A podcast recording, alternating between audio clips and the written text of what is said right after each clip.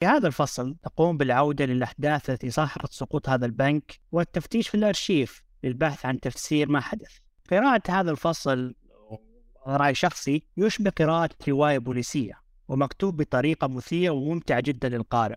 والفصل الذي يليه تتناول تبعات الأزمة وآثارها على النظام المصرفي في لبنان. فيأتي سؤالي هنا. حسب رأيك ما هو التفسير المقنع لسقوط مصرف إنترا؟ وكيف تم تسوية تبعاتها؟ وماذا تقول لنا هذه القصة كلها عن حال القطاع المصرفي في لبنان بعد تأسيس البنك المركزي؟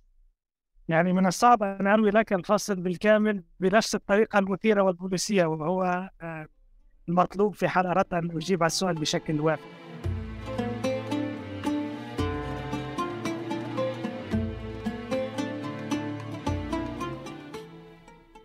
مرحبا بكم في الحلقة الثانية من الموسم الثالث من بودكاست غين. غين هو بودكاست معني بمناقشة الدراسات الصادرة في مجالات العلوم الاجتماعية والإنسانية. وحلقة اليوم هي من تقديمي أنا ماجد الخنين. في كل حلقة من غين نناقش كتابا في العلوم الاجتماعية والإنسانية لمؤلف أو مؤلفة أو مؤلفين من المنطقة العربية أو كتابا عن المنطقة.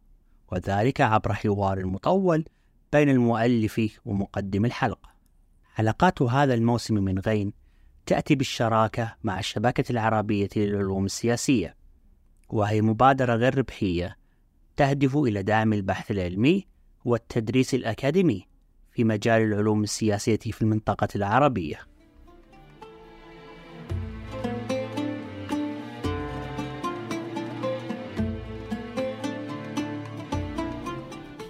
شهد لبنان في السابع عشر من أكتوبر عام 2019 تظاهرات شعبية غير مسبوقة تضغط باتجاه إسقاط المنظومة السياسية وتجاوز نظام المحاصصة المعمول به منذ استقلال لبنان وإعلان الميثاق الوطني عام 1943 مرورا بانتهاء الحرب الأهلية في بداية التسعينات من القرن الماضي.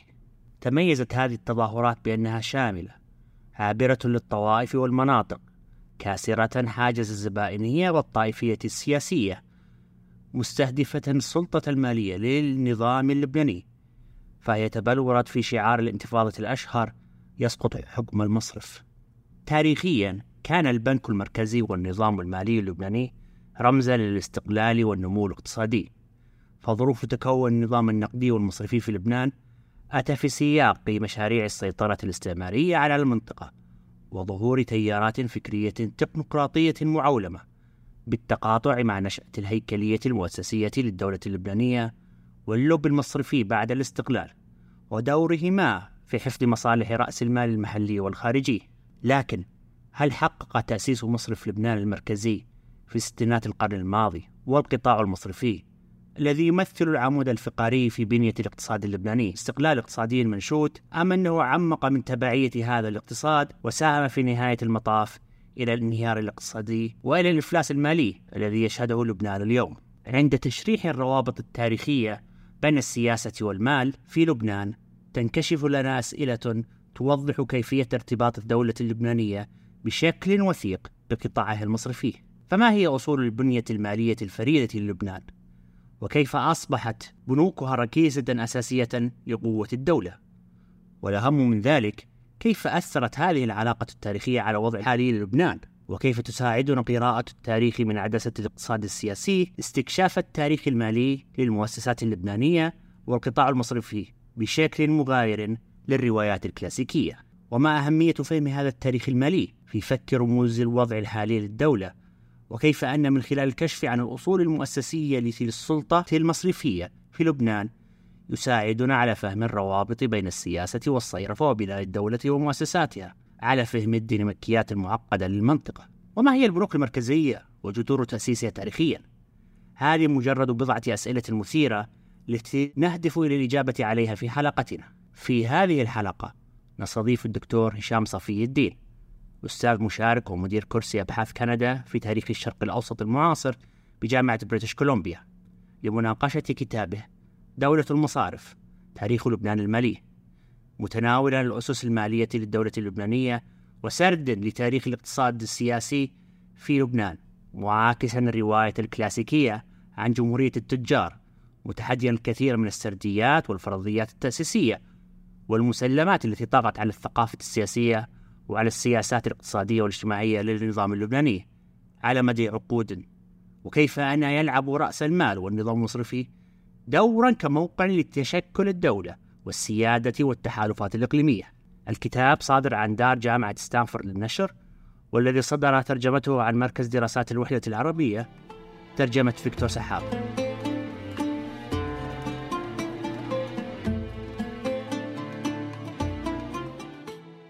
مرحبا دكتور هشام واهلا بك. أهلا بك. شكرا للاستضافه آه كيف الحال والأحوال في البداية؟ الحمد لله كل شيء تمام. أتمنى أن تكون أنت وفريق العمل وجميع المستمعين أيضا بخير. بخير إن شاء الله. قبل مناقشة محتوى الكتاب والخوض في دهاليزه نود أن نسألك يا دكتور سؤالا عاما عن قصة كتابته أي كتابة الكتاب. عن تشكل فكرته الأولى وتطورها لتصبح هذا الكتاب الذي بين أيدينا اليوم. متى بدأت الرحلة؟ الحقيقة يعني رحلة البحث عن الموضوع وكتابة الكتاب تعود إلى أكثر من عقد من الزمن. وفي البداية هذا الكتاب كان هو مشروع أطروحة الدكتوراه. وفي بداية بحثي آه، لم أكن أنوي الحديث أو الكتابة عن المصرف المركزي أو التاريخ المالي بشكل عام. كان اهتمامي منصبا على دراسة آه، دور الفلسطينيين في الاقتصاد اللبناني. والحقيقة أنا كوني شخص يعني ولدت وترعرعت في لبنان آه، دائما آه، كان الحديث عن الفلسطينيين بشكل عام وخاصة في الروايات الرسمية وفي الإعلام وفي بعض الأوساط النخبوية أن الفلسطينيين كان لهم دور سلبي وكان طبعا التركيز على العنصر آه، المسلح وعلى القضايا السياسية وفي حال تم الحديث عن دور الفلسطينيين في لبنان يتم التركيز على دورهم في ما يخص آه، العمالة يعني بمعنى آه، دورهم في القطاع الزراعي دورهم في قطاع البناء وإلى ما هنالك ولكن طبعا هناك دور أساسي للبرجوازية الفلسطينية تحديدا.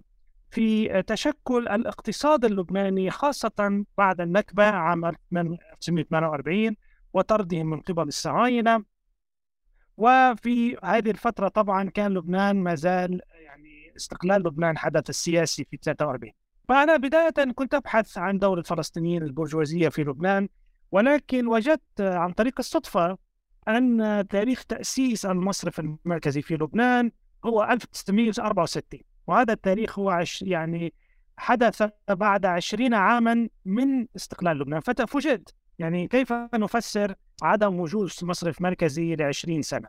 هناك كان طبعا مصرف يتولى بعض الأدوار للمصرف المركزي اسمه مصرف سوريا فمن هنا بدأت الرحلة ومع الوقت بدأت أتشعب آه، في في دراستي ولاحظت أن هذا السؤال آه، يفتح المجال أمام أسئلة أخرى كبيرة. حول آه، تاريخ لبنان الاقتصادي حول التاريخ المالي العالمي حول تشكل الدولة الأمة في المنطقة العربية. حول موضوع كيف نفهم الاقتصاد السياسي للبنان وكيف نفهم أيضا التحولات الكبيرة في الرأسمالية الاستعمارية في هذه المنطقة وبخاصة التحول من التبعية الاقتصادية البنيوية إلى اقتصادات أوروبا إلى هيمنة الرأسمال الأمريكي والخليجي في المنطقة فهذه الأسئلة كلها كانت جزء من يعني كتابة الأطروحة ومن ثم تحول أخيرا إلى كتاب صدر اولا بالإنجليزية عام 2019 ومن ثم بعد سنة على ما اظن آه، بالعربية. جميل جدا وبالنظر الكتاب آه، ما هي علاقة الكتاب بأبحاثك ومنشوراتك الأخرى؟ تتناول تاريخ الفكر الاقتصادي في العالم العربي كبحثك عن المفكر اليساري مهدي عامل وفصلك الذي كتبته مع الدكتور عبد الرزاق التكريتي المعنون بالاشتراكية العربية. آه، بداية يعني جزء من مشروعي البحثي العام هو آه، محاولة إعادة كتابة الاقتصاد السياسي تاريخ الاقتصاد السياسي للمنطقة العربية بشكل أولا يتحدى بعض السرديات الموجودة اليوم. كيف نفهم تاريخ هذا الاقتصاد؟ ومنها مثلا يعني عدم التركيز بما فيه الكفاية عن تاريخ الفكر الاقتصادي. ومنها أيضا محاولة للحقيقة يعني مواجهة أثر ما بعد الحدثويه وهي البوست مودرنزم الفكر التفكيكي الذي للأسف الشديد يعني قام برأيه بتشويه تاريخنا العربي وخاصة التاريخ الاقتصادي. ف وبالتحديد تشويه تاريخ آه، حقبة التحرر الوطني. في حقبة مهمة جدا في تاريخنا هي حقبة التحرر الوطني التي حدثت بعد الحرب العالمية الثانية وهي الفترة التي تم فيها الاستقلال عن الاستعمار أقل على المستوى السياسي. فأنا مشروعي العام هو يعني إعادة كتابة هذا التاريخ بكل أوجهه هناك أوجه آه، تتعلق بتاريخ الصراع يعني تاريخ صراع المصالح وتاريخ صراع الطبقات وهناك أيضا تاريخ المؤسساتي هناك تاريخ تشكل الدول الدولة الأمة في هذه المنطقة ودور الاقتصاد في ذلك وهناك أيضا تاريخ الفكر. على مستوى تاريخ الفكر سنتحدث قليلا عن آه، مشروع مهدي عامر ومن ثم آه، آه، يعني مساهمتي مع المؤرخ الفذ والصديق العزيز الدكتور عبد الرزاق تقريتي. ومن ثم سأحاول أن أشرح للمستمعين كيف يمكن ربط كل هذه المشاريع. بداية آه، إذا سألنا أنفسنا عن تاريخ الفكر بشكل عام. يعني أنا إذا سألت اليوم إذا أي شخص أراد أن يعني يتعرف على تاريخ الفكر المعاصر في القرن العشرين أنا أتحدث عن تاريخ الفكر العالمي. أول ما يتبادر إلى الأذهان طبعا تاريخ الفكر في أوروبا وتاريخ الفكر في في أمريكا الشمالية. وتحديدا إذا تحدثنا عن تاريخ الفكر الاقتصادي سيتحدث الناس عن المساهمات آه، في هذا التاريخ. من قبل مثلا في القرن التاسع عشر آه، ألفريد مارشال وكارل ماركس وغيرهم. وفي القرن العشرين طبعا آه، كينز ومدرسة طبعا المدرسة الفرانكفورتية وغيرها من المدارس. بس الفكرة العامة هي التالي أن تاريخ هذا الفكر لا يوجد فيه أي إشارة حقيقية لدور ومساهمة الفكر العربي فيه. وإذا تحدثنا عن الفكر العربي فهو دائما فكر مشتق وليس فكر أصيل وليس فكر مبدع وليس فكر له دور في تاريخنا. هذه النقطة الأولى. وأنا كان يعني أحاول أن أساهم في تعريف الفكر العربي مثل فكر مهدي عامر عبر ترجمته إلى الإنجليزي. على المستوى الآخر لو ذهبنا إلى تاريخ الفكر العربي ستجد أن معظم التاريخ تاريخ الفكر العربي لا يتحدث أساسا عن الفكر الاقتصادي آه يعني وإن تحدث عن الفكر الاقتصادي فهو يركز إما على التيار الماركسي أو يركز على تاريخ الفكر الإسلامي.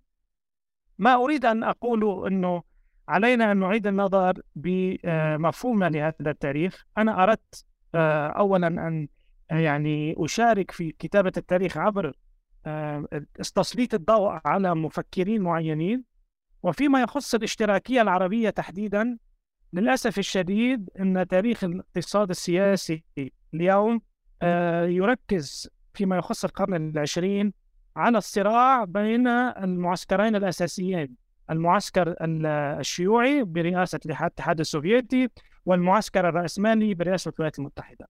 مع العلم أن معظم آه، الناس يعني الغالبية العظمى من الشعوب في مستص القرن العشرين كانت تنتمي إلى معسكر عدم الانحياز. بالإضافة إلى ذلك آه، عندما نتحدث عن تاريخ الاشتراكية العربية اللي هي طبعا كانت مشروعا آه، يعني قاده جمال عبد الناصر ولكن لا نستطيع أن نختصره بجمال عبد الناصر.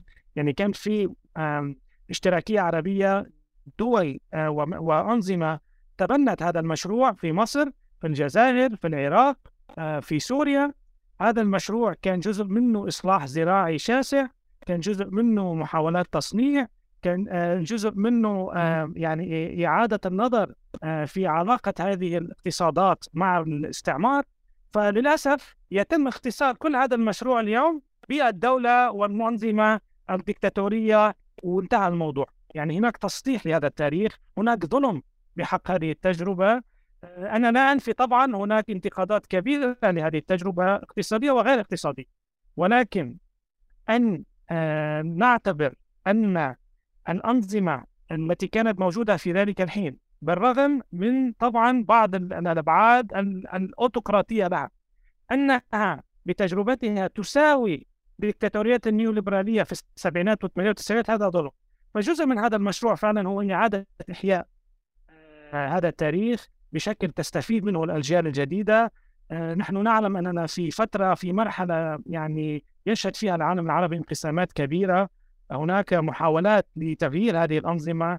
علينا أن نعود بالتاريخ لهذه الفترة أن نفهم تفاصيل هذه المرحلة أن نعطي هذا الجيل حقه مع انتقاده كي نستفيد من من تجربته آه، البعد الإيجابي والسلبي. فهذا هو يعني أنا أعطيتك هلأ هناك بعد آه، اجتماعي سياسي لهذا المشروع وهناك بعد منهجي آه، بحثي له علاقة بتاريخ الفكر عموما وتاريخ الاقتصاد والاقتصاد السياسي على المستوى العالمي و يعني موقع المنطقة العربية من هذا الاقتصاد بشكل عام. تعقيبا على هذه الإجابة ما الممكن الذي يحكيه الاقتصاد السياسي في المنطقة العربية عن تاريخها آه، خارج إطار مثلا العلاقات الدولية التي تكون مهيمنة في تحليلات المنطقة بشكل عام. يعني أول مساهمة هو أن هذه الاقتصادات كان لها بعد آه، وهامش استقلالي وكان لها دور فاعل في تحديد وجهة آه، التنمية الاقتصادية في هذه البلاد. وكان لهذه الوجهة دور كبير في تحول طبيعة العلاقات الطبقية في آه، دور هذه الأنظمة في تحرير قسم كبير من الناس من القمع والظلم التي كانت تتعرض له إن كان من فلاحين إن كان حقهم في التعليم. يعني دولة الرفاه التي يتحدثون عنها في أوروبا كان هناك جزء من ذلك يحدث عندنا في العالم العربي. وهي كان لها خصوصيات معينة آه، لم تكن تشبه بشكل يعني آه، كامل الاقتصادات الاشتراكية ولم تكن تشبه أيضا بشكل كامل الاقتصادات الرأسمالية المركزية.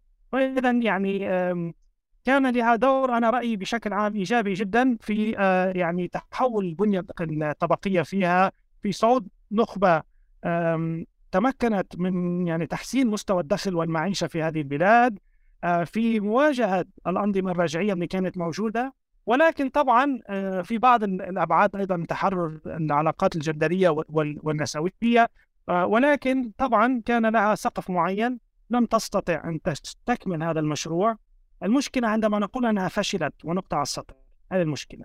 إذا إذا تنظر إلى معدلات الدخل ومستوى المعيشة ونسبة النمو في البلاد العربية أثناء هذه الفترة ستجد أنها كانت شبيهة جدا بمعدلات موجودة آه، في يعني في مختلف العالم ما يسمى بالعالم الثالث فهي آه، هي تعطينا آه، الأمل أولا بإمكانية التنمية والتطور والتغيير وهي تمنعنا من أن نكون يعني انهزاميين بشكل كامل ولكن أيضا هي تشير إلى بعض النواقص وبعض يعني ال الأبعاد التي فشلت فيها كي لا نعيدها.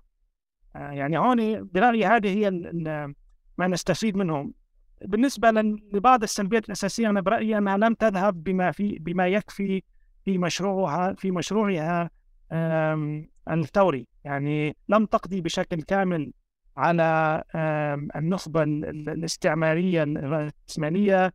لم تحدث تحول اجتماعي في الريف آه، في هذه المناطق. آه، ولا ننسى طبعا أن جزء من المشكلة على الأقل في المشرق العربي كانت وجود دولة استيطانية مثل إسرائيل لأنه هزيمة 67 أثرت بشكل سلبي على هذه التجربة ولكن لا يجب أن يعني نجعل من هذه التجربة القصة الوحيدة الموجودة. جميل دكتور. سننتقل الآن لفصول الكتاب. الكتاب عبارة عن دراسة تاريخية حول بنك لبنان المركزي وهو مكون من ستة فصول بالإضافة لمقدمة وخاتمة. وهذه هي عناوين الفصول. الأول عنوانه المالية الاستعمارية الانتداب النقدي المديد. أما الثاني فعنوانه إصلاح البنك المركزي الأفكار والمؤسسات. والثالث عنوانه بارونات الصيرفة فوق النقد. والرابع عنوانه مصرف لبنان قناع السيادة الاقتصادية. والخامس عنوانه أشباح وظلال قضية أنترا.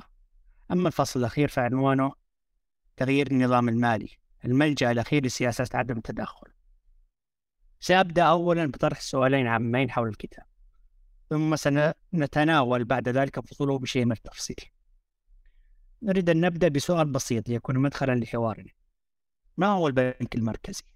ما هي أدواره الرئيسية؟ وكيف يختلف عن البنوك التجارية التقليدية؟ البنوك المركزية اليوم آه، لها ثلاثة أدوار رئيسية في الحيز آه، يعني العام المتعلق ب محلي إذا صح التعبير ضمن الدولة. ولها دور إضافي على المستوى العالمي. على المستوى الدولة أو المجتمع ضمن إطار دولة معينة هناك ثلاثة وظائف رئيسية للبنك المركزي. الوظيفة الأولى أن أن البنك المركزي يقوم يعني يتصرف كعميل للدوله مالي. يعني كل أموال الدولة بشكل عام آه، توضع آه، يتم إيداعها في حسابات البنك المركزي. إذا كانت الدولة تريد أن تستدين آه، كمان تلجأ إلى البنك المركزي في حالات عديدة. إن كانت أن تقوم ب... تريد أن تقوم بطبع العملة أحيانا تقوم هي بها كوزارة واحيانا تقوم بالبنك المركزي، فاذا أول دور رئيسي البنك المركزي هو يعني بنك الدولة هذا بشكل بسيط جدا. الدور الثاني للبنك المركزي هو إدارة النقد يعني أسس السياسة النقدية فإذا هناك علاقة مباشرة بين المصرف المركزي والناس لأن إدارة النقد يعني إدارة النقد؟ يعني بالإضافة إلى طبع العملة آه، هناك أيضا آه، موضوع تحديد نسبة آه، مثلا الفوائد هناك أيضا تحديد إلى يعني بيع وشراء الأموال في السوق من من أجل تحديد سعر الصرف آه، كل هذه آه، أدوار آه، كل هذه جزء من السياسة النقدية. هذا هو الدور الثاني. أما الدور الثالث فهو تنظيم القطاع المصرفي والأسواق المالية. يعني وضع أحيانا قوانين أو مراسيم من أجل أن يعني يؤمن البنك المركزي ما يسمى باستقرار السوق المالية والمصارف هذه هي الأدوار الرئيسية. كما ترى هذه الأدوار بشكل عام لا تقوم بها المصارف التجارية أو غير التجارية الاستثمارية الخاصة. المصارف التجارية آه، غايتها فقط الربح. أما المصارف المركزية بالمبدأ اليوم فهي ليست غايتها غير ربحية. غايتها فعلا تأمين الاستقرار النقدي والمالي ودعم الدولة وتوفير آه، الخدمات المالية للدولة.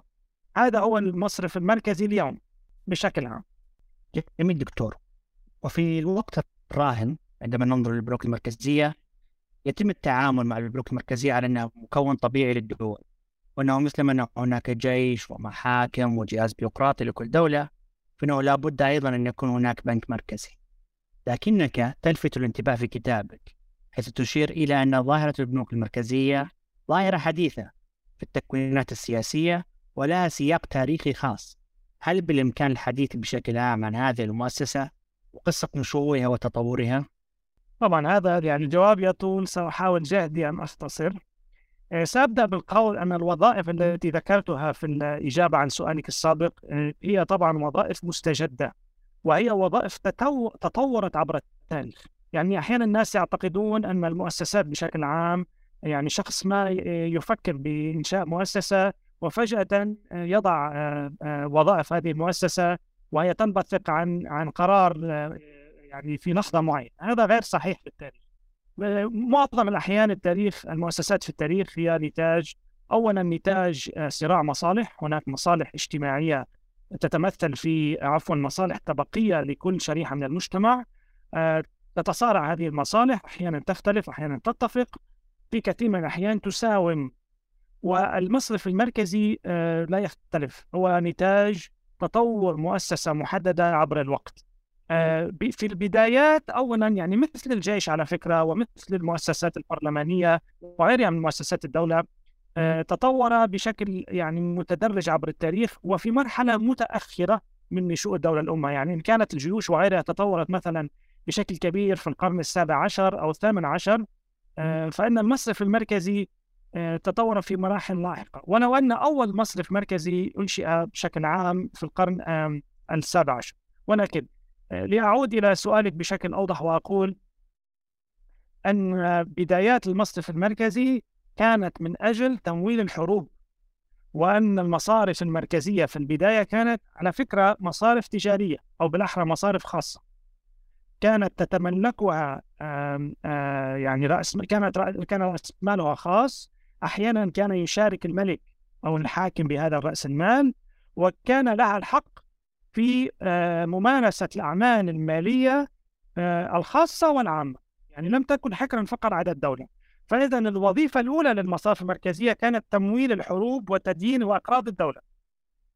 مع الوقت تطورت هذه المصارف ولأنها أصبحت كبيرة ولها دور كبير في السوق لم يعد من الممكن أن تترك بدون أي تنظيم. فنشأ الدور الثاني وهو دور تنظيم القطاع المصرفي. وأيضا بموازاة ذلك نشأ دور تنظيم العملة هذه الأدوار تطورت مع الوقت لنصل إلى أول القرن العشرين عندما أصبح هناك شبه إجماع أن كل دولة عليها عليها أن يكون لها مصرف مركزي. لا يمكن إدارة الدولة بما أن الدول وبأن مالية الدولة أصبحت بعد أساسي من الحكم مالية الدولة المركزية. أصبح هناك حاجة كبيرة لوجود مصرف أيضا مركزي يقوم بكل هذه الأدوار. ومع ذلك بقيت هذه المصارف التي تقوم بهذه الأدوار مصارف خاصة. إلى حين آه، الحرب العالمية الثانية. عندما حصل هناك تطور في فهم دور المصارف وعلاقتها بالشعب والمجتمع وأصبح هناك الفكر التنموي الذي يؤمن بدور الدولة في الاقتصاد. آه، أصبح طاغ لدى النخب الحاكمة. في حينها حدث هناك موجة من المطالبات بتأميم المصارف المركزية منها مثلا مصرف إنجلترا عام 1846 ولكن هناك أيضا مصارف اليوم مثل بنك الاحتياط الفيدرالي الأمريكي. هو ليس مصرف خاص تماما هو مملوك في الحقيقة من عدة مجموعة مصارف فإذا ما اريد أن أقوله لا يوجد نموذج واحد للمصارف المركزية. هناك أدوار ووظائف تطورت عبر الزمن.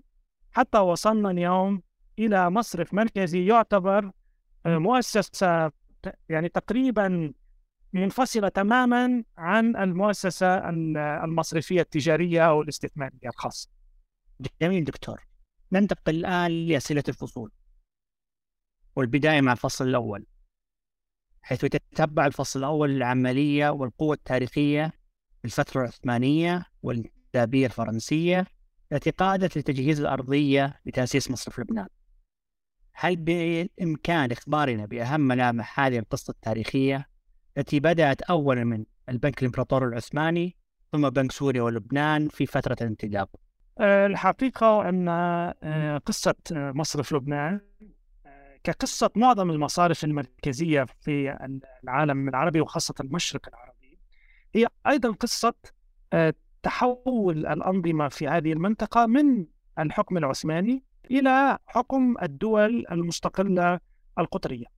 يعني مثل ما كان عندنا آه، ما يسمى بسايكس بيكو أعتقد معظم المستمعين يعلمون عن تقسيم المنطقة وخاصة الهلال الخصيب كان هناك أيضا سايكس بيكو مالي.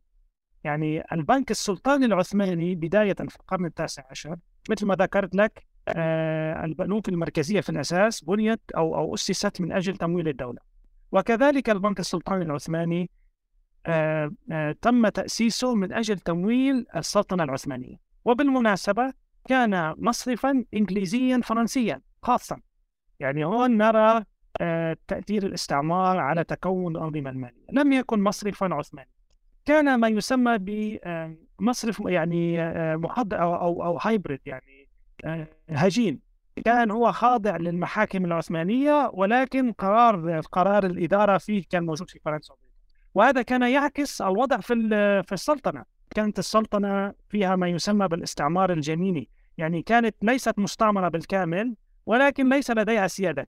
فإذا هذا المصرف, المصرف السلطاني العثماني افتتح فروع له. في كل المنطقة ومنها فرع في بيروت عندما هزمت السلطنة في الحرب العالمية الأولى وتم احتلال المنطقة من قبل الجيوش الأوروبية وخاصة الفرنسية والبريطانية ماذا حصل؟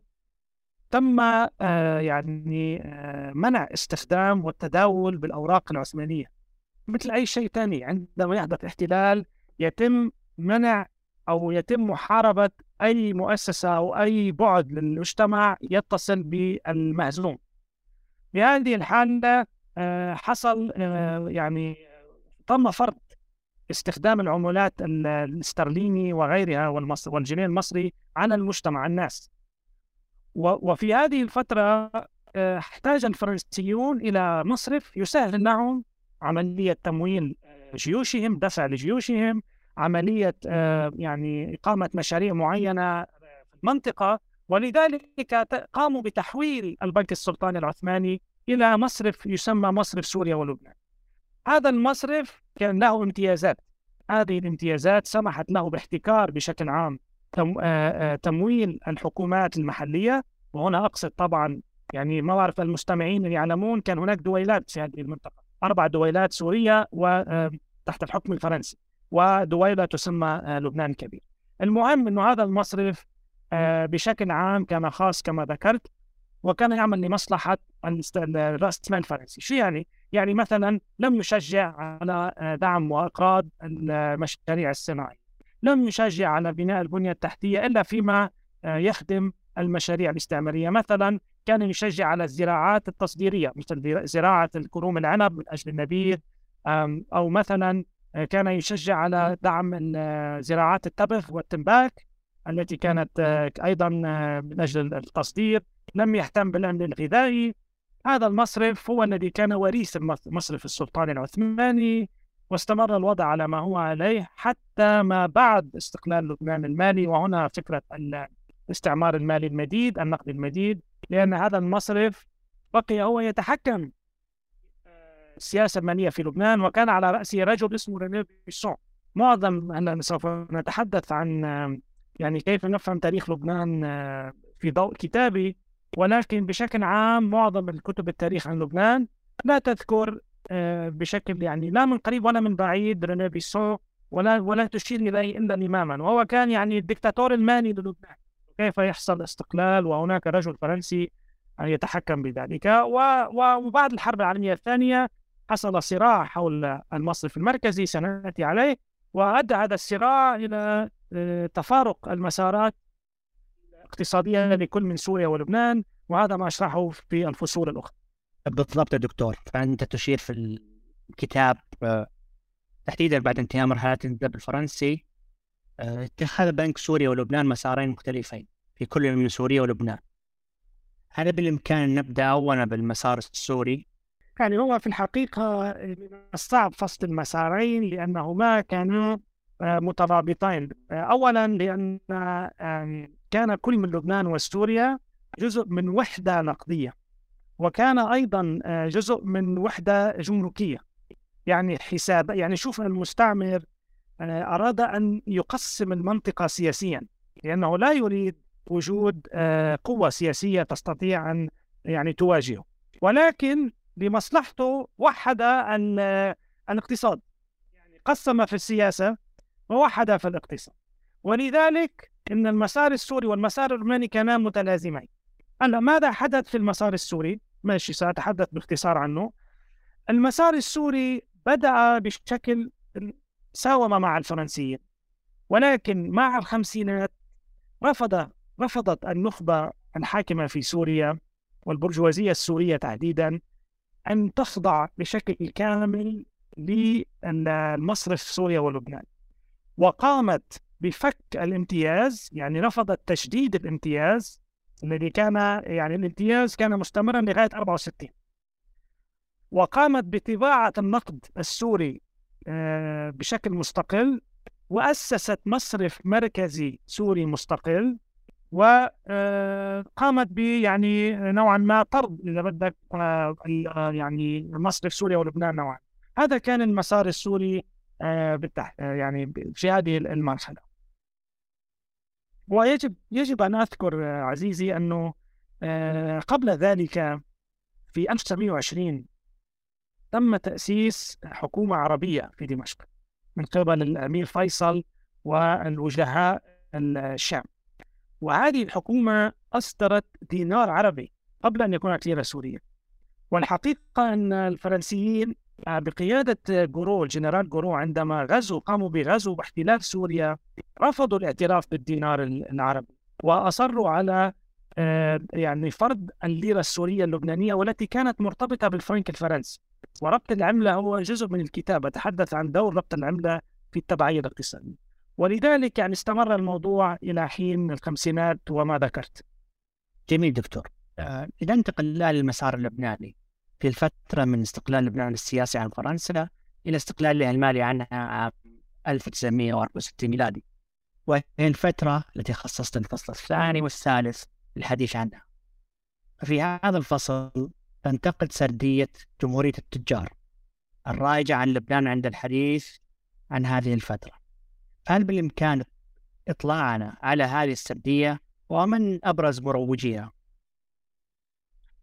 لغير العالمين بتاريخ لبنان آه، طبعا لبنان دائما يحتفى به أنه معقل الاقتصاد الحر وأن لبنان آه، يعني آه، مزار سياحي وأن الخدمات المالية في لبنان ممتازة طبعا هذا كله قبل الأزمة المالية وانهيار يعني الوضع المالي في لبنان وخاصة في الخمسينات كان هناك يعني لم تكن الأنظمة المالية للدول العربية وخاصة دول الخليج متطورة كاليوم.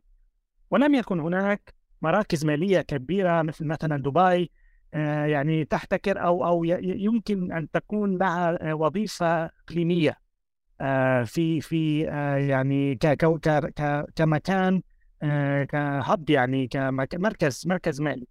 اذا بيروت كانت مركز مالي في الخمسينات آه، تحديدا وفي وفي تاريخ لبنان هناك شيء يسمى The Merchant Republic جمهورية التجار. الفكرة هذه السردية أو الرواية تقول أن لبنان بعد الحرب العالمية الثانية قام بما يسمى في العلم الاقتصاد بتحرير liberalize deregulate اقتصاد.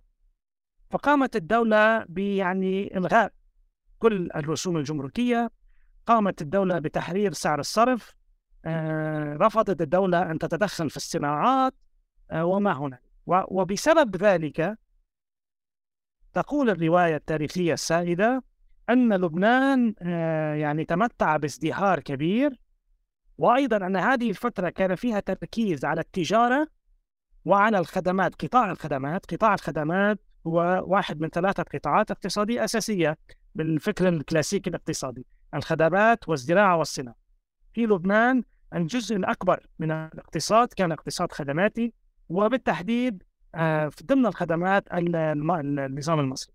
فإذا هذه السردية تشير إلى هذه الفترة أولا على المستوى البنيوي أنه كان هذا القطاع هو الأساس وهو كان يعني الدجاجة التي تبيض تبيض ذهبا. على المستوى الأيديولوجي هاي المرحلة كانت متأثرة بهيمنة الفكر آه، ميشيل شيحة. اللي هو يعني المنظر للقومية اللبنانية. ميشيل شيحة كان يعتبر أن هناك حتمية جغرافية بسبب موقع لبنان تحتم عليه أن يكون هو يعني صلة الوسط بين الشرق والغرب وبين ثلاث قارات وأن لبنان لا يمكن أن يعيش إلا عبر التجارة والسياحة والخدمات وأن اللبناني بطبعه آه يعني تاجر آه ولا يمكن له أن يكون أي شيء آخر. وأن الدولة لا يجب أن تتدخل أبدا في في الاقتصاد وأن السوق هو الذي يعني آه يعني يحدد آه مسار الاقتصاد. فهذا هذه هي الإيديولوجية الطاغية. وبالمناسبة من يدعم هذه الإيديولوجية ومن يعارضها يتفق على شيء واحد أنها كانت الإيديولوجية شبه الوحيدة في هذه الفترة التي حكمت فكر النخبة الموجودة في لبنان. جميل دكتور. آه ومثل ما ذكرت في إجابتك آه أن ذكرت موضوع الصراعات الأيديولوجية وما غيرها. ففي النظر إلى سردية جمهورية التجار يأتي في مقابلها سردية بديلة. فيها التقليل من الاحتفاء والكثير من التفاصيل عن ما حدث في هذه الفترة. فأنت لا تكتفي بالإشارة إلى العوامل البنيوية والتغيرات العالمية والضغوط الخارجية مثل ما أشرت التي قادت إلى استقلال لبنان المالي من فرنسا بل نظرت لها أي هذه المرحلة باعتبارها ساحة صراع بين أفكار متباينة ومصالح متشابكة. نبدأ بالأفكار أولا ففي الفصل الثاني يشدد على الأثر المهم الذي خلفه التنافس الأيديولوجي بين دعاة السوق الحر من جهة والنقاد المتأثرين بالنظرية الكينزية نسبة لجون مينارد كينز والمتمركزين بشكل رئيسي في الجامعة الأمريكية في بيروت هل بالإمكان إخبارنا أكثر عن هذه القصة؟ بداية من المهم أن نعلم أن الصراع الإيديولوجي هو جزء من الصراع السياسي والاقتصادي لا يمكن أن نفصل يعني نفصله عن ذلك وهناك دائما يعني علاقة جدلية بمعنى هناك أيضا دائما تأثر الفكر يؤثر في الواقع والواقع يؤثر في الفكر. ووظيفة المؤرخ والتاريخ برأيي أن يجمع بين هذين العنصرين أو البعدين آه، في الصيرورة التاريخية. بالنسبة لموضوع الفكر الأيديولوجي المهيمن في لبنان وما وما أعتبر أني ساهمت فيه في هذه في هذا المجال. كما ذكرت أن هناك هذه الأيديولوجية المهيمنة ما قمت به صراحة هو القول بأن كان هناك آه، إيديولوجية منافسة لإيديولوجية ميشيل شيحة وليست مناقضة يعني لم تكن إيديولوجية مثلا شيوعية أو إيديولوجية ماركسية. كانت إيديولوجية رأسمالية ليبرالية ولكنها مؤسساتية ومتأثرة بالفكر الكينزي الذي الكثير من المؤرخين يعتبرون أن الفكر في لبنان الاقتصادي لم يكن متأثرا بالفكر الكينزي على عكس مثلا آه، بلاد عربية أخرى. ولكن أنا ما وجدته في في الأرشيف وفي مراجعتي أيضا لعلاقات بعض الاقتصاديين وخاصة في الجامعة الأمريكية بالدولة. أنه كان هناك مجموعة من الاقتصاديين موجودين بشكل يعني معظمهم كانوا موجودين في الجامعة الأمريكية في بيروت هؤلاء كان لهم علاقات مع البيروقراطية في الدولة وهؤلاء كانوا آه، يتبوؤون المنابر الاقتصادية وكانوا له دور في الرأي العام وفي إرشاد السياسات في في الدولة. يعني ما لم يكونوا مهمشين أو أشخاص فقط يعني فرديين كان لهم دور وازن. هؤلاء كانوا يؤمنون بمفهوم الاقتصاد الحر ولكن ليس الاقتصاد الحر المتفلت من أي تنظيم. وهؤلاء طرحوا العديد من السياسات لإصلاح آه، السياسة الاقتصادية الشيحوية. إذا هؤلاء كان لهم رد فعل على السياسة الشيحوية أنها يعني متوحشة نوعا ما ومتفلتة. وأنا ما أقوله هو أن تأثيرهم لم يظهر مباشرة في جمهورية التجار حدث في مرحلة لاحقة في الستينيات ولكن آه علينا أن نأخذهم بعين الاعتبار. وأيضا سأضيف أن دراستي لهذه المجموعة يتحدث عن التحول آه، أو الدور القوة الناعمة للولايات المتحدة في المنطقة نحن عادة إذا تحدثنا عن دولة الولايات المتحدة عن ماذا نتحدث؟ نتحدث عن النفط نتحدث عن الصراع العربي الإسرائيلي مثلا آه ولا نتحدث أحيانا عن التأثير الفكري والأيديولوجي آه بشكل عام فهؤلاء كانوا يعكسون النظريات الاقتصادية التي أتت من الولايات المتحدة ولكن مع مع التنبيه أنهم كان لهم أيضا أسئلة تتعلق بواقعنا. لو يعني إذا عدنا إلى ما قلت في بداية المقابلة لا يمكن أن نراهم فقط أنهم كانوا يستنسخون النظريات الاقتصادية ويطبقونها. كانوا يعني يعدلون فيها من أجل أن تعكس آه، يعني سأعطيك مثال. مثلا بدل أن يتحدثوا فقط عن دورة دورة الاقتصاد ال business cycle ركزوا أكثر بكثير على موضوع التنمية. وهو ليس موضوع مطروح أحيانا. وإضافة إلى ذلك جمعوا بين الكينزية وما يسمى المؤسساتية الاقتصادية institutionalism وهي مدرسة أخرى. يعني جمعوا بين المدارس. أسئلتهم كانت تتعلق بمثلا كيف نحدث أسواق المال في اقتصاد آه، بين مزدوجين متخلف. مثلا قالوا أن المصرف المركزي في بلد بين مزدوجين متخلف يجب أن يكون لديه آه، قدرة على آه، أن يجبر المصارف أن تحتفظ باحتياطات معينة. يعني لا يمكن أن يبيع ويشتري في السوق. لماذا؟ لأن الأسواق المالية في هذه الدول غير متطورة غير عميقة. إذا حاولوا أن يجدوا وظائف للمصرف المركزي مثلا تعكس حاجيات هذه المجتمع. فأنا ما قمت به هو سرد وتحليل تاريخي لدور هذه الفئة من الاقتصاديين في مسار الاقتصاد اللبناني. وطبعا كان لهم أيضا أدوار في تدريب الكادرات البيروقراطية والتكنوقراطية في العالم العربي. يعني هذه قصة لم أتوسع بها في الكتاب. ولكن أعتقد هناك قصة أكبر عن عالمنا العربي حول التأثير الإيديولوجي الاقتصادي والقوى الناعمة والتحول أقل في حالة لبنان بينما بين الفكر الفرنسي والإيديولوجيا الفرنسية والمدارس الاقتصادية الفرنسية والمدارس الاقتصادية الأمريكية التي جسدها هؤلاء. نقاط مهمة دكتور. ننتقل الآن من البعد الأيديولوجي للقصة إلى البعد المصلحي وتحديدا داخل فئة المصرفيين. ففي الفصل الثالث نتحدث عن وجود تنافس بين التيارين داخل فئة المصرفيين. حول مسألة البنك المركزي والاستراتيجيات.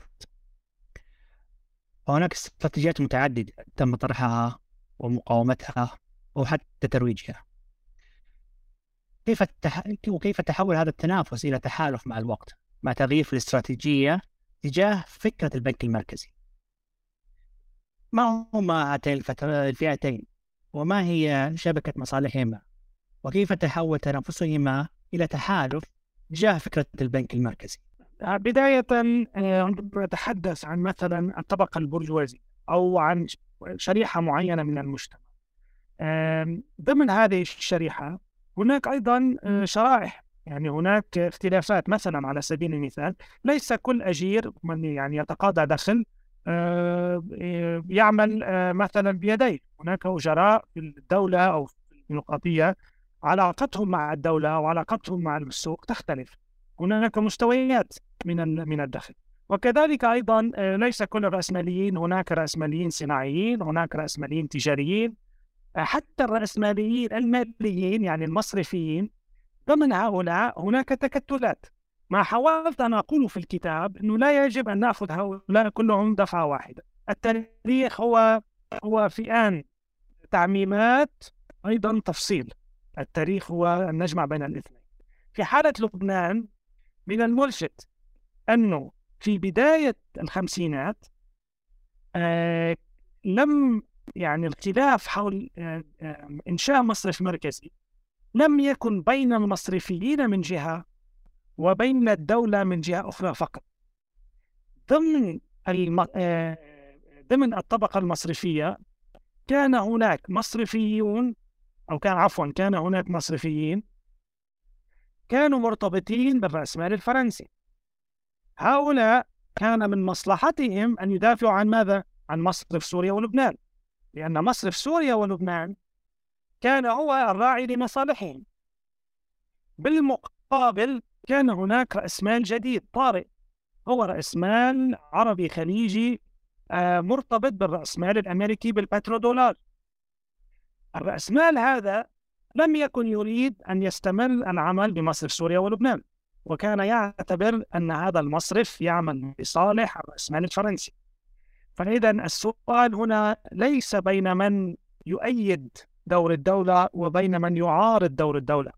السؤال هو ما هو أي مؤسسة ممكن أن تدعم مصلحة الفئوية وأي مؤسسة ممكن أن تضر بها؟ يعني الربحية هي العنصر الأساسي وليس المبدأ الاقتصادي الذي يؤمن بالسوق من عدمه في هذه الفترة حصل يعني أنا استطعت أن أجد آه، في الأرشيف الأمريكي تقارير عن هذا الصراع بين ثلاث فئات الحقيقة ولكن أهمها فئتين. الفئة الأولى ذكرتها لك وهي فئة الرأسمال الفرنسي والفئة الأخرى وهي الرأسمال الأمريكي وهناك أيضا فئة ثالثة متذبذبة متابعة للرأسمال البريطاني والجدير ذكره الجدير ذكره أن آه هذه الفئات كان لكل منها تمثيل سياسي. كل فئة لديها آه يعني آه مناصر ضمن النخبة السياسية. وهذا يدلنا دائما أن الاقتصاد والسياسة لا يمكن أن نفصلهما مع بعض مع بعض وما مترابطين. ما حدث هو مع حلول آخر الخمسينات محل دور المصرف المركزي تنظيمي لجميع القطاع. وأصبح الراسمال الأمريكي وال آه، والخليج العربي البترودولاري أيضا يعارض قيام آه، مصرف آه، مركزي وهذه المعارضة تجسدت في جمعية المصارف. أنا أتحدث في الكتاب إنه أيضا في تاريخ لبنان هناك تركيز على الموضوع الطائفي. نحن لم نتحدث بعد عن هذا الموضوع. دائما هناك إنه لبنان دولة طوائف وطبعا عنوان الكتاب إن لبنان أيضا دولة مصارف وأن الصراع في لبنان لم يكن فقط حول الموضوع الطائفي. وبالمناسبة جمعية المصارف في لبنان كان فيها مثلا آه، اولا لم تكن يعني الأرضية تبعتها لم تكن على أساس طائفي كانت على أساس آه، اقتصادي. وكان أيضا فيها في بدايتها كان هناك آه، مصارف أمريكية وكانت المصارف الفرنسية خارجها. فاذا التفسير التاريخي يجب أن يعني يأخذ في عين بعين الاعتبار البعد الاقتصادي وليس البعد الطائفي. ولذلك يعني جزء من هذه هذا الصراع أنا حاولت أن أستخدم هذا الصراع لأؤكد أننا لا يمكن نفهم دولة لبنان من دون أن نفهم الصراع الاقتصادي وليس أن يعني نختصره فقط. طبعا كان له بعد طائفي ولكن لا يمكن اختصاره بموضوع العلاقات الطائفية. آه جميل دكتور. وفي الحديث عن مصرف لبنان آه يجب الذكر أن مصرف لبنان تأسس في الأول من أبريل عام 1964 أي في عهد الجنرال فؤاد شهاب.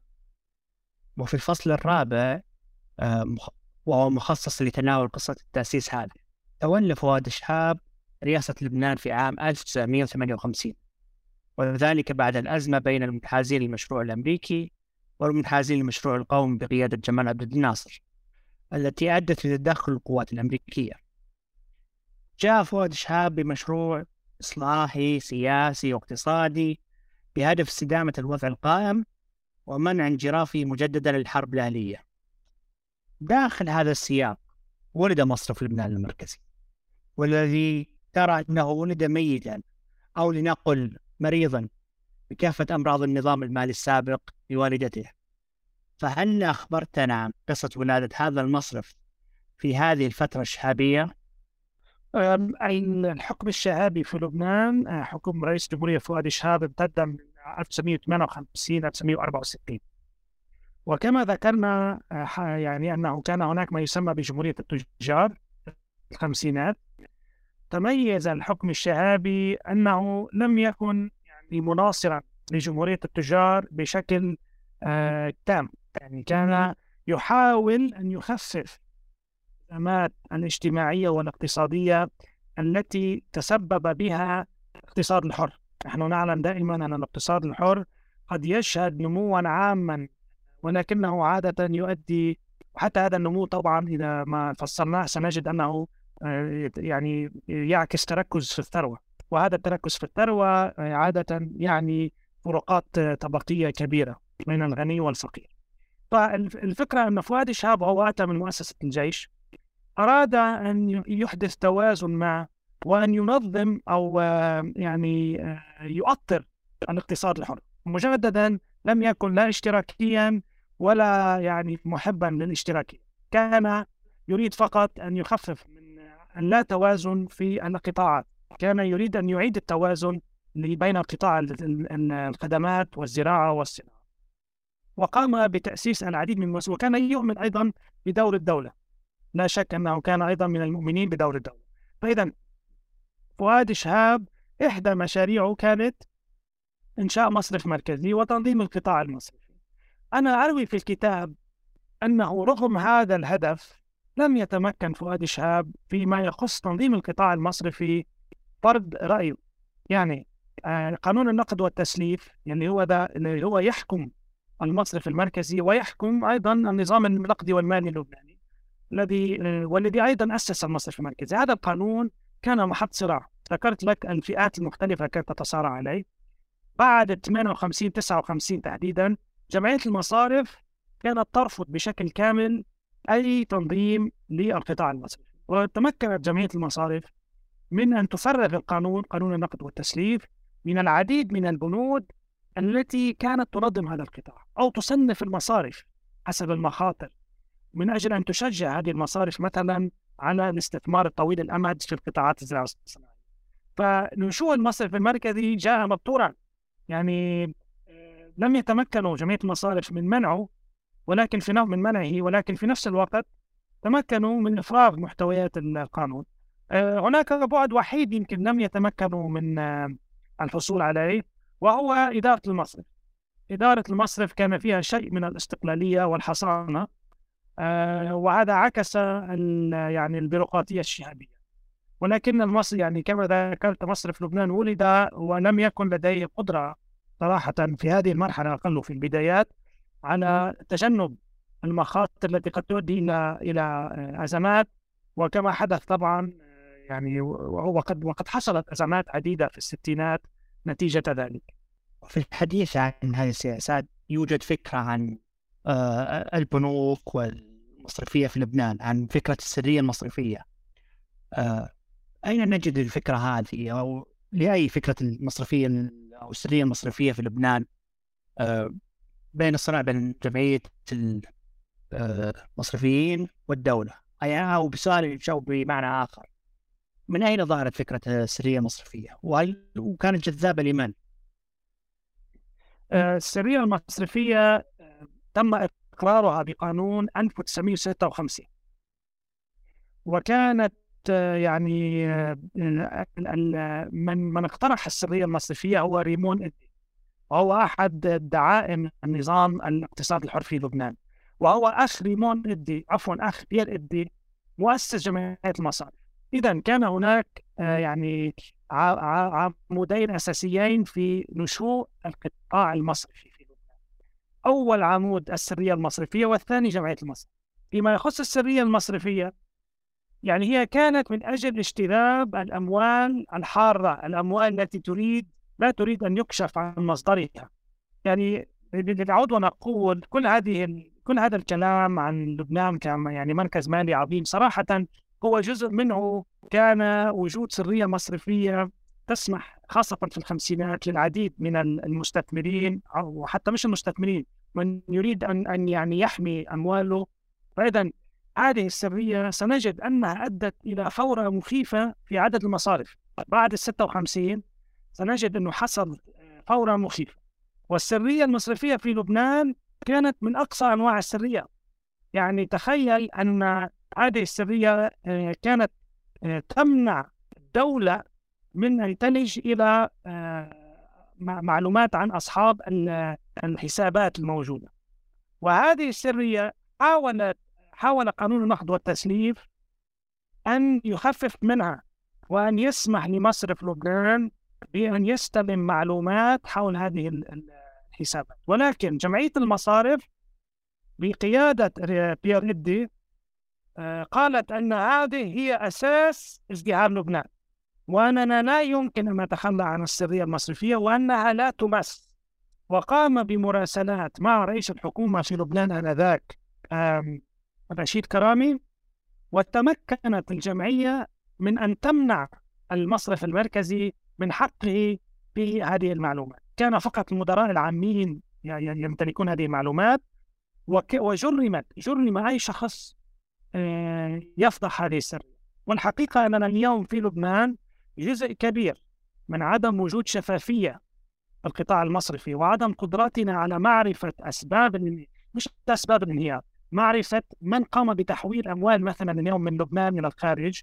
تتذرع البنوك ويتذرع المصرف المركزي أيضا بالسرية المصرفية لمنع الحكومة أو أي جهة أخرى بالتدقيق في حسابات المصرف. إذا هذا هي تاريخ السرية المصرفية وما زالت للأسف حتى اليوم أداة في يد الأوليغارشية اللبنانية وزعماء الطوائف آه، وفي وجه الناس وفي وجه الشعب. يعني ما لأنها لا تخدم سوى آه، كبار آه، أصحاب أصحاب كبار رؤوس الأموال وأيضا بشكل عام طبعا تخدم تخدم الأموال غير المشروعة التي تأتي إلى لبنان. جميل جدا دكتور. سننتقل الآن للفصلين الخامس والسادس وهما فصلين مهمين. يتناولان انهيار بنك انترا في عام 1966 وتبعاته على النظام المصرفي اللبناني والبلد ككل. أسس هذا المصرف رجل الأعمال الفلسطيني يوسف خليل بيدس عام 1951 وبعد سنوات أصبح المصرف رقم واحد حيث الحجم والتوسع ولكن في عام 1966 انهار فجأة. تتحدث في الفصل الخامس عن نظرية المؤامرة التي راجت حول أسباب سقوطه. وهناك من لام الصراع السعودي الناصري. وهناك من أرجع الموضوع لخلفية بيدس الفلسطينية. وفي هذا الفصل تقوم بالعودة للأحداث التي صاحبت سقوط هذا البنك والتفتيش في الأرشيف للبحث عن تفسير ما حدث. قراءة هذا الفصل رأي شخصي يشبه قراءة رواية بوليسية ومكتوب بطريقة مثيرة وممتعة جدا للقارئ. والفصل الذي يليه يتناول تبعات الأزمة وآثارها على النظام المصرفي في لبنان. فيأتي سؤالي هنا. حسب رأيك ما هو التفسير المقنع لسقوط مصرف أنترا؟ وكيف تم تسوية تبعاتها؟ وماذا تقول لنا هذه القصة كلها عن حال القطاع المصرفي في لبنان بعد تأسيس البنك المركزي؟ يعني من الصعب أن أروي لك الفصل بالكامل بنفس الطريقة المثيرة والبوليسية وهو آه، المطلوب في حال أردت أن أجيب على السؤال بشكل واف ولكن مجددا سأحاول جهدي أن أختصره للمستمعين.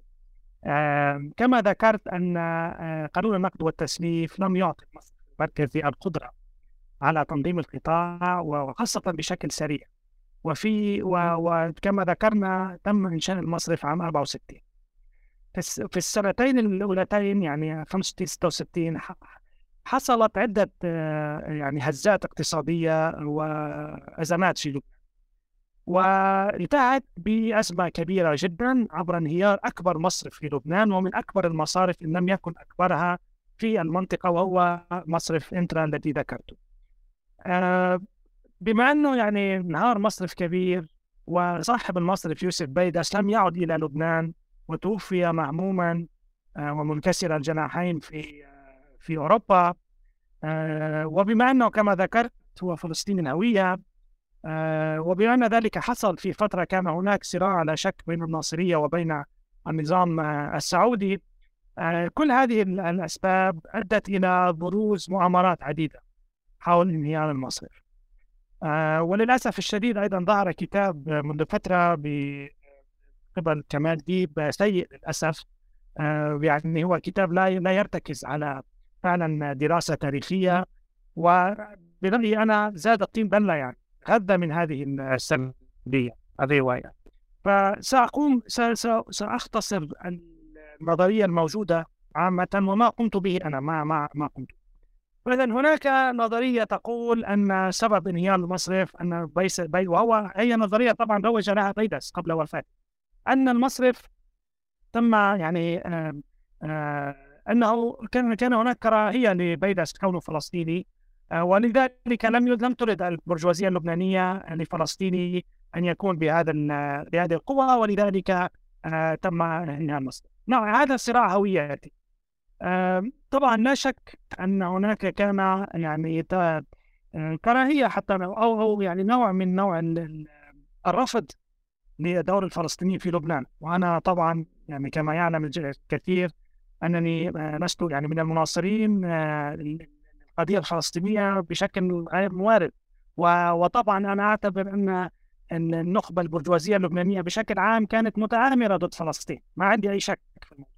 ولكن كمؤرخ علي أن اكون أمينا للسجل التاريخي. وإذا نظرنا إلى السجل التاريخي سنجد اولا الهويات في لبنان ليست فقط هويات قومية يعني الهوية الطائفية مهمة في لبنان للأسف الشديد. فمثلا الماروني أو المسيحي بشكل عام آه، قد آه، يعني يشعر آه، هناك يعني انتماء مشترك بينه وبين الفلسطيني المسيحي أكثر من مثلا مع اللبناني المسلم. فاذا الخلاف ليس فقط بين لبناني وفلسطيني.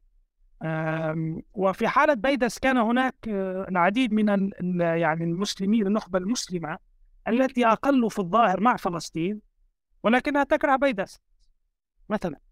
فإذا لا يمكن من الوجهة التحليلية أن نقول لأنه فلسطيني مجرد أنه فلسطيني. خاصة أنه نصف لبناني بالمناسبة أننا إذا نظرنا إلى من يملك الأسهم في في إنترا سنجد أن نسبة كبيرة منها آه، هي للبنانيين. وأن بيدس أصلا كان يعني يفتخر بلبنانيته ولم يكن يعني لم يكن مشاكسا. لم يكن مثلا مثل رفعت النمر آه، فلسطيني مع القضية الفلسطينية بشكل لا لبس فيه ويدعم القوى المقاومة لم يكن هذا القبيل. وكان أيضا له علاقات مع روكفلر ما فينا نقول عنه أنه كان والله حامل لواء التحرر التحرير هذا أولا آه، من جهة أخرى آه، هناك عاملين أساسيين هناك عاملين أساسيين هناك عامل اقتصادي بنيوي. في هذه الفترة حصل صعوبات كبيرة من آه، المنطقة العربية باتجاه الولايات المتحدة لأنه صار في زيادة الفوائد في الولايات المتحدة. وكما ذكرت لك الرأسمال في لبنان حار يعني حاطينه بالبنك من أجل فوائد ليس مستثمرا في في صناعات في يعني تستطيع أن تخرجه بسرعة. فاذا جزء كبير من الراسمال الخليجي لأنه صار في عنده نسبة مرتفعة آه، فوائد في أمريكا سحبوا وكون بنك انترا من أكبر البنوك. تاثر هيدي اول نقطه بالنسبة للصراع السعودي الناصري هناك أرشيف يدلنا أن فعلا هناك جزء من الصعوبات التي حصلت ومعظمها كويتية بالمناسبة وليست سعودية. هذه الصعوبات جزء منها كان بسبب الخلاف الموجود الناصري السعودي. أنا لا أخفي لا يعني لا أنفي ذلك.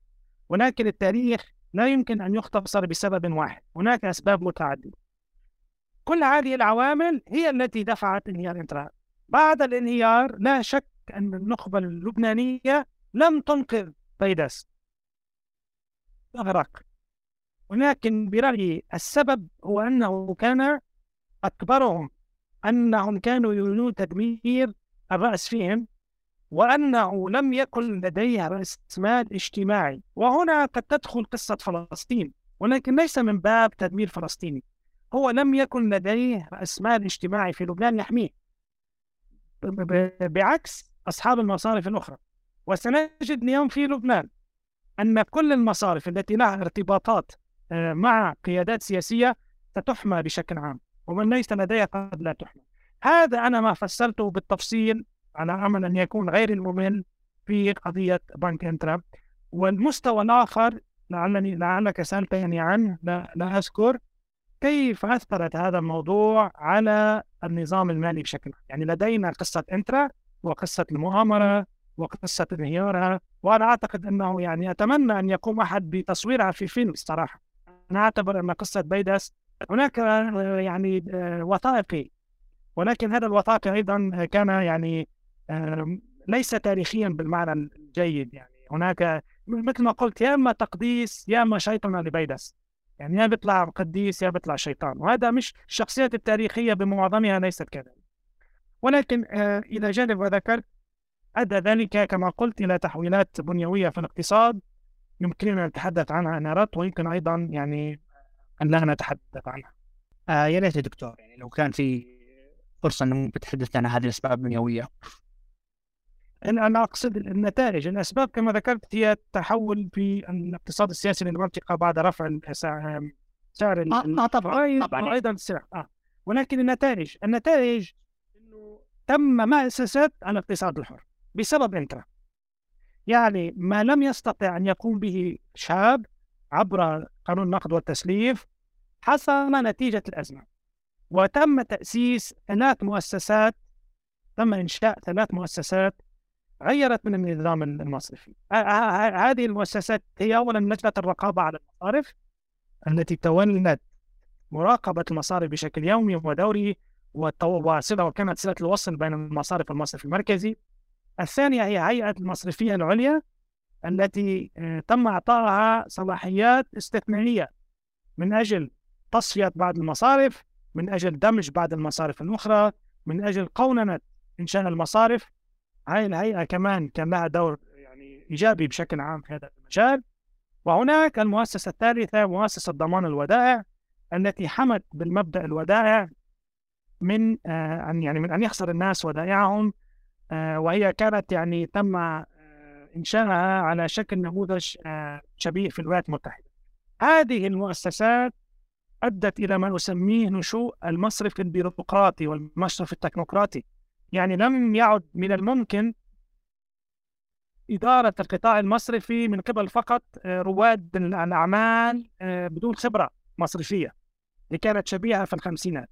صار هناك حاجة ماسة للكادرات البيروقراطية والتكنوقراطية وأصبح هناك يعني تنظيم ما يخفف من الفلتان المالي والمصرفي. ولكن كما هو حال التاريخ آه تم هناك يعني محاولات لإعادة تفكيك هذه هذه المنظومة في السبعينات وانهارت آه، جزء كبير منها في الثمانينات ولم يتم تحديثها مثلا الضمان الودائع بقيت القيمة للضمان لم ترتفع. يعني اليوم إذا بده يطبقوا هاي القوانين في لبنان آه، معظم الناس لن تستعيد لن تستعيد معظم آه، الجزء الأكبر من من إيداعاتها ولكن هذا كان تحول أساسي وهو عكس كما ذكرت يعني من قام بهذه الأمور على فكرة. مثلا من كان رئيس لجنة الرقابة على المصارف؟ سليم الحس اللي هو من الاقتصاديين المؤسساتيين الذين نادوا بالتنظيم. هون نرى التأثير المتأخر للمؤسساتيين القمويين في جهاز الدولة. وهنا نرى أهمية منهجية البحث عن مأسسة وبناء الدولة من قبل قوى اجتماعية واقتصادية لأنه معظم الوقت ننظر إلى دور الدولة في بناء السوق. أنا ما قمت به في الكتاب العكس أنا أردت أن أرى كيف تم بناء مؤسسات الدولة وهذا يعني أن نأخذ الدول آه، على محمل الجد أن لا نعيد ونكرر دوما لا يوجد دولة عندنا إن كان في لبنان أو في المنطقة العربية أو الدولة الضعيفة علينا أن نسأل ما هي شكل الدولة. ليس غياب الدولة أو ما هو شكل هذه الدولة؟ هذا هو برأيي السؤال التاريخي الصحيح المثمر. بلا شك دكتور يعني وأنا متأكد أن القراء سيجدون الإثارة والمتعة في قراءة الكتاب. سننتقل الآن لما بعد الكتاب. الكتاب ترجم للغة العربية بعنوان دولة المصارف تاريخ لبنان المالي. وصدر عن مركز دراسات الوحدة العربية. كيف كانت تجربة الترجمة؟ وكيف اختلف تلقي الكتاب لدى القارئ العربي عن تلقيه لدى القارئ باللغة الإنجليزية؟ يعني سأحاول أن أن أتحدث عن انطباعاتي. طبعا أنا لست بموقع أقيم كيف تم يعني تلقي الكتاب لدى القارئ خاصة أني ما كتبت الكتاب. لكن أستطيع القول أنه يعني صدر الكتاب بداية 2019 في الصيف باللغة الإنجليزية. وحصلت الأزمة المالية في لبنان بعد ثلاثة أشهر.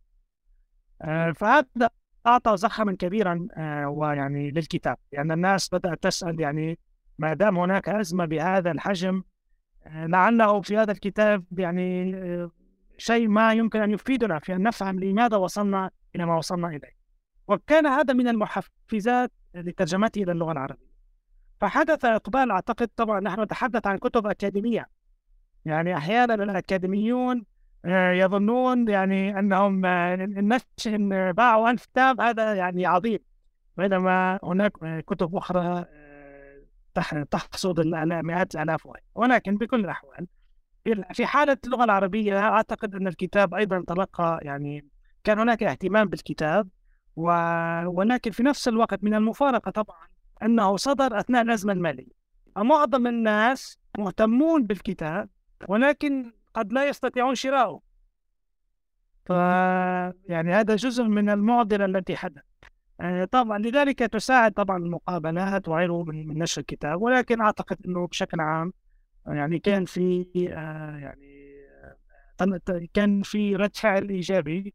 بس مجددا لست بموقع يعني صراحة تقييم هذا الموضوع وعاده أدرب نفسي دائما أن أن أبقى نقدي تجاه أي كل ما أكتب أن يعني دائما علينا أن يعني كلنا كل الباحثين علينا والباحثات أن يكونوا آه، يعني هناك دائما تواضع ومحاولة لبناء ما على ما كتب.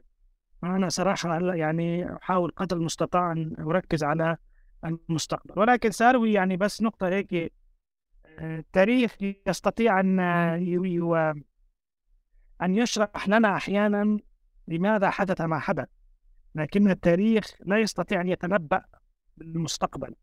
وأنا البعض بدأ يلومني يعني كيف لم تقل لنا نسحب أموالنا من البنك؟ وبعض أفراد العائلة سألوا عن ذلك وأنا قلت لست لست متنبئ. وصراحة كنت يعني غاطس مثل باللغة اللبنانية الدارجة. آه، كنت مهتما جدا في التاريخ لم لم لم لم أكن أتابع بنفس الدرجة ما يحدث في الحاضر.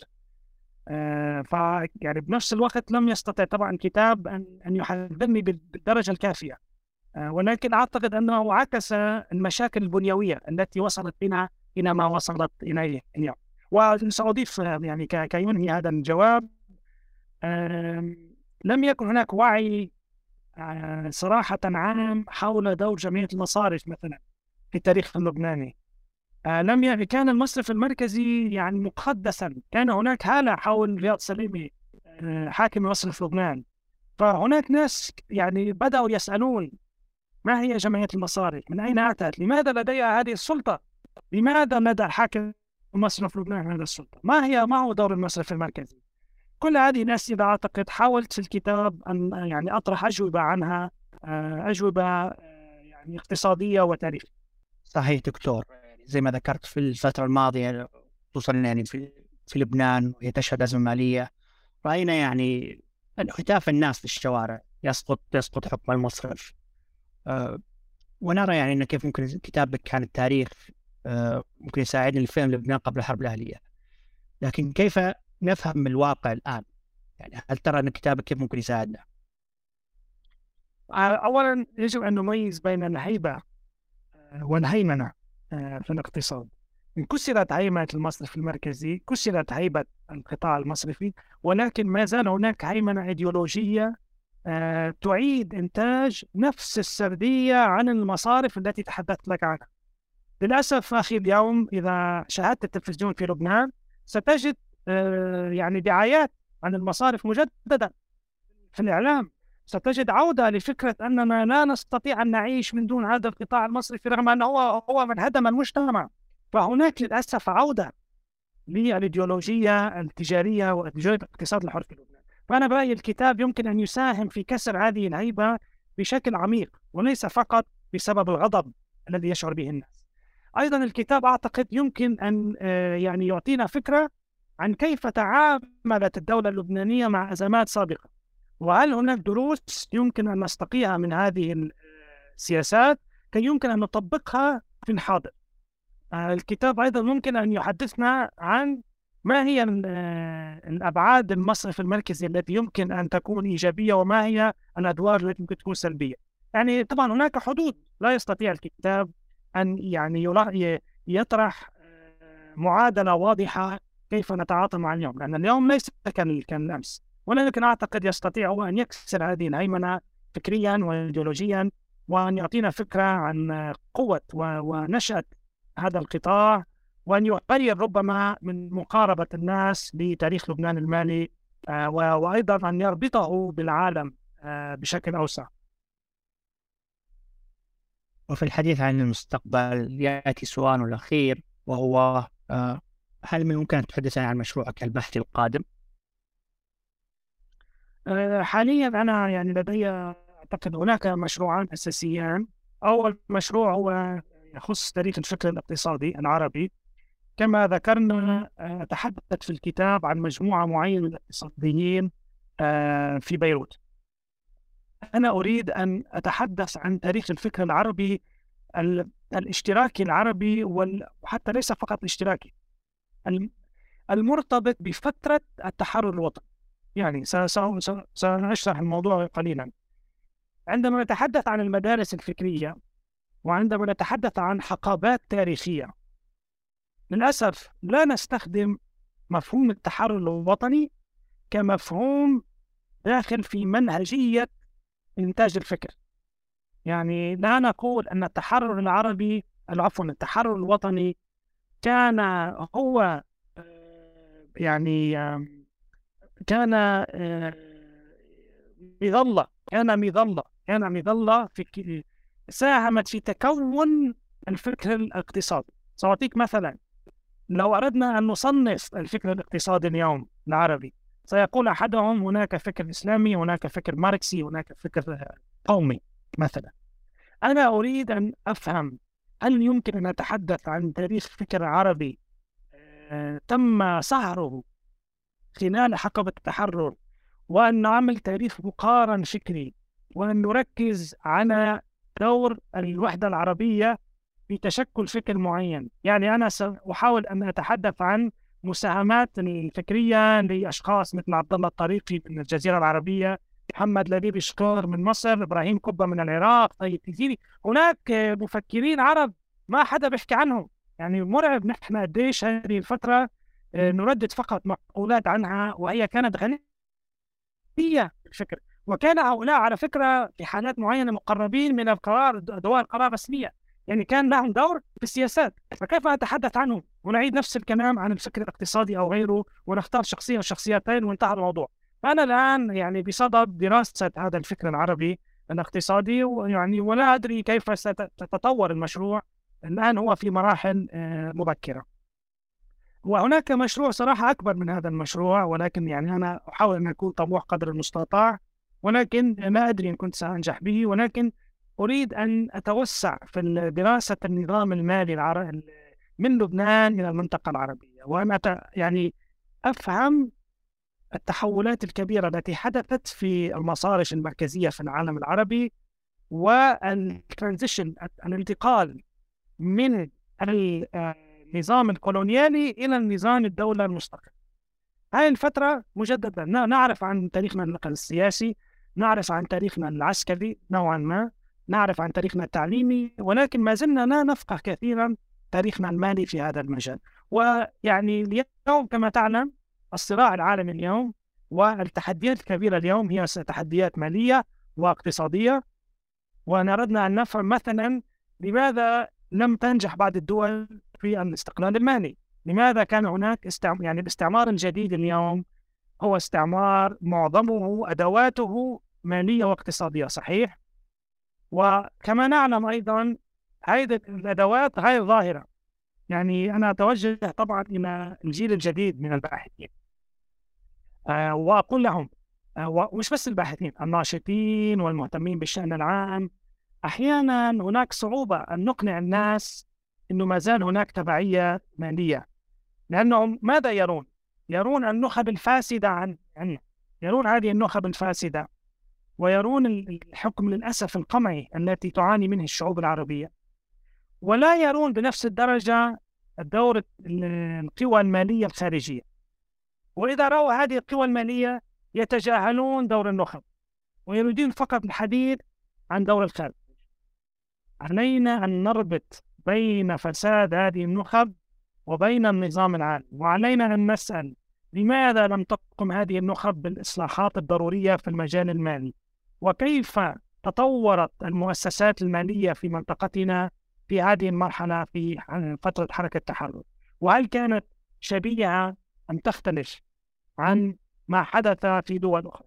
يعني هذا مشروع طبعا كبير لا أدري أين يعني كيف سأقوم بتأطيره ولكن هذا هو المجال البحثي الذي أنا أحاول أن يعني أن آه أن أتجه نحوه. بلا شك نتمنى لك التوفيق آه، دكتور. آه، نذكر مجددا أن الكتاب غني جدا ومشوق والحديث يطول عن المؤسسات المالية والاقتصاد في لبنان. ولكن وصلنا لختام الحلقة. كلمة أخيرة دكتور تودي إضافتها. وأولا أريد أن أشكرك وأن أشكر غاين على هذه الاستضافة وأن أشكر المستمعين على طول صبرهم. أه فقط دعوة دعوة مفتوحة لكل مهتم أه في قضايا يعني شعوبنا الاقتصادية والمالية وحتى غير ذلك أن أولا أن يعني نكون رأوفين بتاريخنا ونقديين في نفس الوقت البناء ولكن أن نتناول هذا التاريخ آه، بكل إيجابياته وسلبياته بشكل آه، يعني لا يحدث قطيعة معرفية بيننا وبين هذه الفترة تحديدا فترة التحرر الوطني. آه، وأيضا أن نوازن بين الخصوصية التاريخية يعني التحدد التاريخي وبين قواعد العمل التاريخ يعني لا يجب أن ننظر إلى منطقتنا دائما وكأنها خارج التاريخ وكأنها منطقة لا يمكن أن نفهمها عن طريق التحولات العالمية. ولا بالمقابل أن نستخدم نماذج غربية أو أورو مركزية وأن نسقطها إسقاطا على منطقتنا. علينا أن يعني نقع في مكان ما بين الاثنين. هذه نصيحتي المتواضعة لكل من يريد أن يعني آه، آه، ينشغل في كتابة هذا التاريخ أو أيضا من يريد أن يستخدم هذا التاريخ ليغير الحاضر والمستقبل أو ليفهم الحاضر وليغير المستقبل. شكرا لك دكتور هشام. شكرا جزيلا